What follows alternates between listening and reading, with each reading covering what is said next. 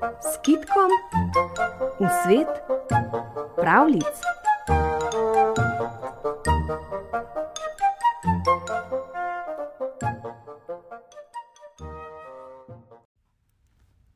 Revna deklica in kralj Matjaš. Živela je revna deklica, ki ni imela niti mame, niti očeta. Oba sta ji že umrla. In tej deklici je sredi zime zmanjkalo drv. Šla je v gost, da jih nabere, pa je prišla do neke velike votline. Kako je rekla, kako da je nisem opazila še nikoli, saj sem že večkrat hodila tot okrog. In je šla, da vidi, kaj je notri.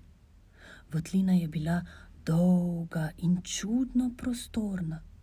Na sredi je stala kamnita miza, in pri mizi je sedel res velik mož. Pravi hrust je bil, je imel dolgo brado in dolge brke in krono na glavi. Punčki se je zdelo, da bi moral biti kralj. Spal je in brada se mu je že trikrat ovila okoli mize. Za njim je zagledala vojsko, a tudi vojaki so spali, vse je spalo, še konji in psi, tako da si je punčka rekla: Ah, najbolje bo, da jih kar pustim. In se je obrnila in je že hotela iti, ko je zagledala pred sabo kup sena. Prav zdravo seno je bilo in ona je doma imela majhno ovčko.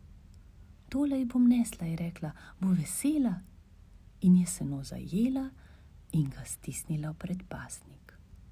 Potem je zajela še enkrat, a tako nerodno, da je zraven ujela še konsko verigo. Položila jo je nazaj, takrat pa je zadonelo tako glasno, da se je vse zatreslo. Vojaki so se dvignili, so pogledali naokrog, konji so zarzgetali, kralj Matjaš pa je vstal in je vprašal: A je že čas?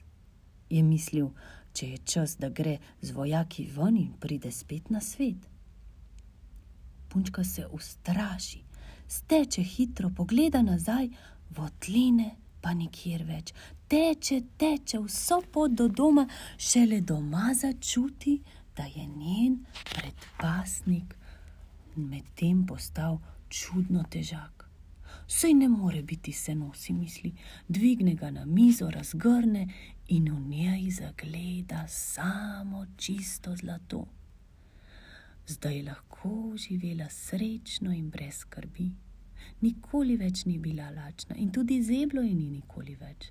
Sam kralj Matjaš ji je pomagal. Za votlino pa so po tistem izvedeli vsi ljudje iz njenih krajev. Še mnogi so poskušali, da bi jo našli, a je do danes ni našel še nihče.